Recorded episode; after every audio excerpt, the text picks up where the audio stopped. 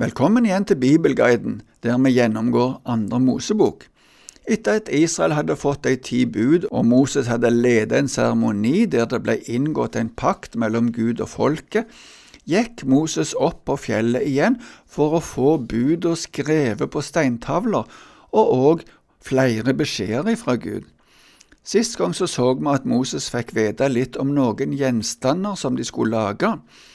Det siste vi så på, var skuebrødsporet. Det var ett avsnitt igjen i kapittel 25, og det handler om lysestaken. Vi skal se litt på det avsnittet først, før vi så går videre til kapittel 26, som handler om det teltet som de skulle lage. Men først leser vi altså kapittel 25 fra vers 31 til 40. Du skal lage en lysestake av rent gull. Lysestaken med fot og stamme og skålene med knopper og blomster skal hamres ut av ett stykke.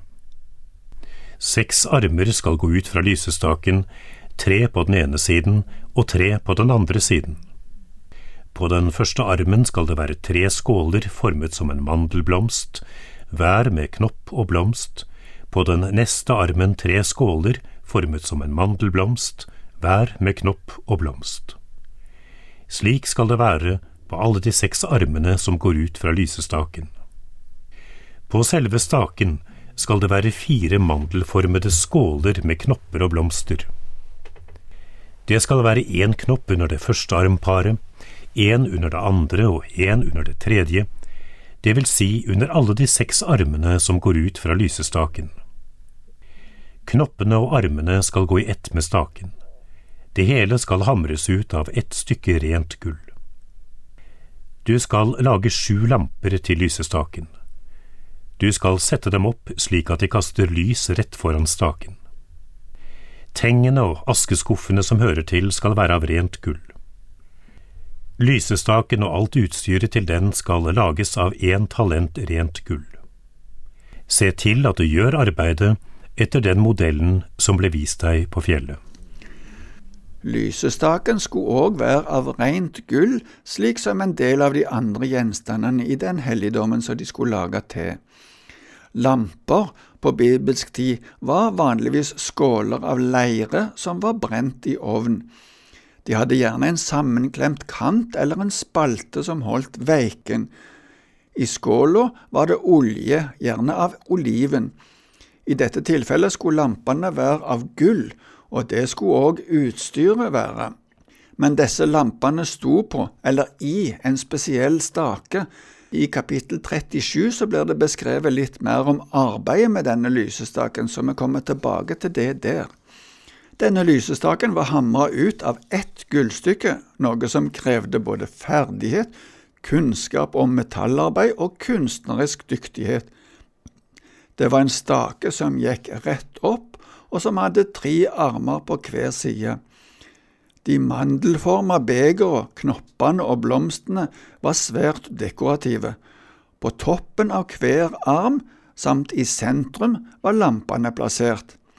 Alle hadde veikene vendt framover, og de skulle lyse både dag og natt. Det skulle brukes én talent gull, altså omtrent 34 kilo, til dette arbeidet. Moses fikk se en modell og skulle lage en lysestake som var slik som det bildet han så. Nå skal vi gå over til å se på kapittel 26, som handler om det teltet som Moses skulle lage. Hele kapittelet handler om det, men vi skal dele det litt opp og lese først de første 14 versene. Du skal lage boligen av ti teltduker.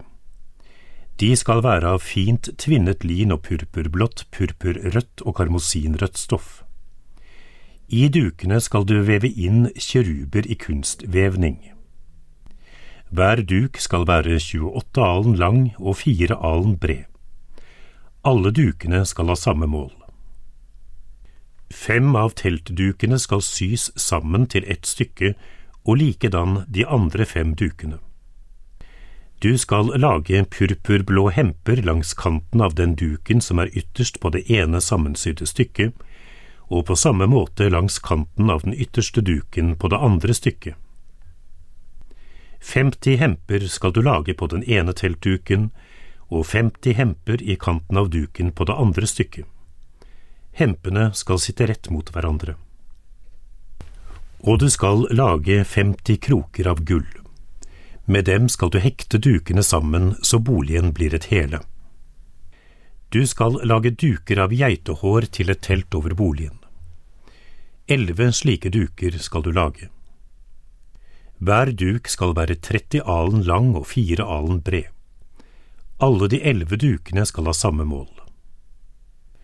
Fem av dukene skal du sy sammen for seg, og seks for seg. Den sjette duken ved teltets forside skal du legge dobbelt. I kanten av den duken som er ytterst på det ene sammensydde stykket, skal du lage 50 hemper, og i kanten på det andre stykket 50 hemper. Og du skal lage 50 kroker av bronse og hekte dem i hempene. Slik skal du feste teltet sammen til et hele.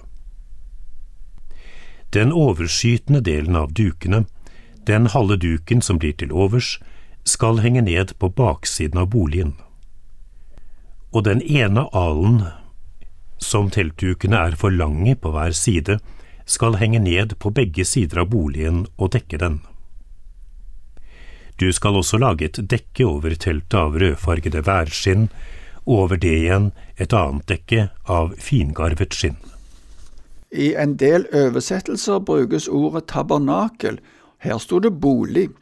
Noen ganger brukes ordet telt om denne innretningen. Tabernakel kommer fra det latinske ordet som er brukt tabernakulum. Det hebraiske ordet betyr oppholdssted og kan godt oversettes med bolig. Det tenkes her på at Gud skulle bo i dette teltet. Beskrivelsen av teltet begynner med innsida, som at det er ut ifra Guds synsvinkel. Først beskrives de ti teppene, eller teltdukene. Teppet ble laget av flotte stoffer med strålende farger og utsøkt design. Alt dette var skjult for folket etter at teltet ble reist. Hvert teppe var omkring 14 meter langt og to meter bredt. At det var delt inn i ti deler, gjorde det lettere å flytte på. Det er nøyaktig beskrevet mange detaljer med hemper og kroker, Krokene skulle òg være av gull. Det andre laget skulle være tepper av geitehår. Disse teppene var litt lengre enn de som var innenfor, og det grove stoffet i de ytre teppene beskytta det fine stoffet innenfor for vær og vind. Geitehår var et prektig stoff og høyt verdsatt i antikken. Av disse teppene var det elleve, og det ekstra teppet ble brukt over inngangen. De krokene som ble brukt her, ble laget av bronse, eller kobber som noen oversetter det. I tillegg skal det være et dekke av skinn over dette igjen, men alt dette måtte holdes oppe av stenger. Beskrivelsen av hvordan dette teltet skulle holdes oppe, det skal vi lese om nå i de neste versene, fra 15 til 30. Plankene til boligen skal du lage av akasietre. De skal stå loddrett. Hver planke skal være ti alen lang og en og en halv alen bred. På hver planke skal det være to tapper som er tilpasset hverandre. Slik skal du lage alle plankene til boligen. 20 av de plankene du lager, skal stå på sørsiden mot sør. Til de 20 plankene skal du lage 40 sokler av sølv, to sokler under hver planke til å feste de to tappene i. På den andre siden av boligen på nordsiden skal det også være 20 planker, med 40 sokler av sølv, to under hver planke. Til baksiden av boligen, mot vest, skal du lage seks planker. Og i tillegg to planker, én til hvert hjørne av boligens bakside. De skal være doble nederst og øverst og gå sammen i én ring. Slik skal det være med dem begge, de skal danne de to hjørnene. Slik blir det åtte planker og 16 sokler av sølv, to sokler til hver planke.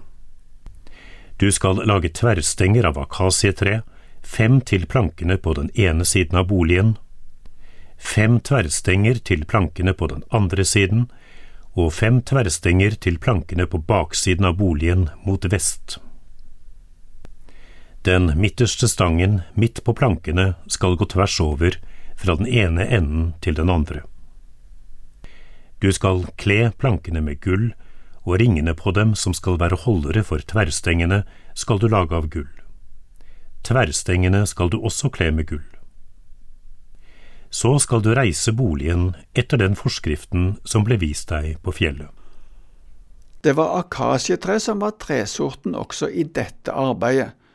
Som vi har sagt før, var dette en tresort som ikke så lett ble ødelagt av sykdom eller av insekter. Det er litt forskjellige forklaringer på hvordan disse plankene så ut. Det mest sannsynlige er at det var rammer som gjorde at stoffet ble synlig fra innsida. Disse rammene, eller kanskje det var massive planker, de var omtrent 70 cm breie og 5 meter lange. De skulle stå i høykant, men de var konstruert slik at de var lett å sette opp og ta ifra hverandre. Det ble òg gitt nøyaktige beskrivelser for disse plankene, tappene og soklene. Soklene skulle være av sølv, og det skulle være to på hver planke. Det skulle være 20 planker på nordsida og på sørsida og seks på vestsida. På østsida skulle det ikke være planker, men en åpning som ble dekka av et teppe, og midt i teltet skulle det òg være et forheng. Så skulle det lages noen tverrstenger som skulle støtte opp konstruksjonen og gjøre den stabil. For summen av alle teppene ville få ganske stor vekt.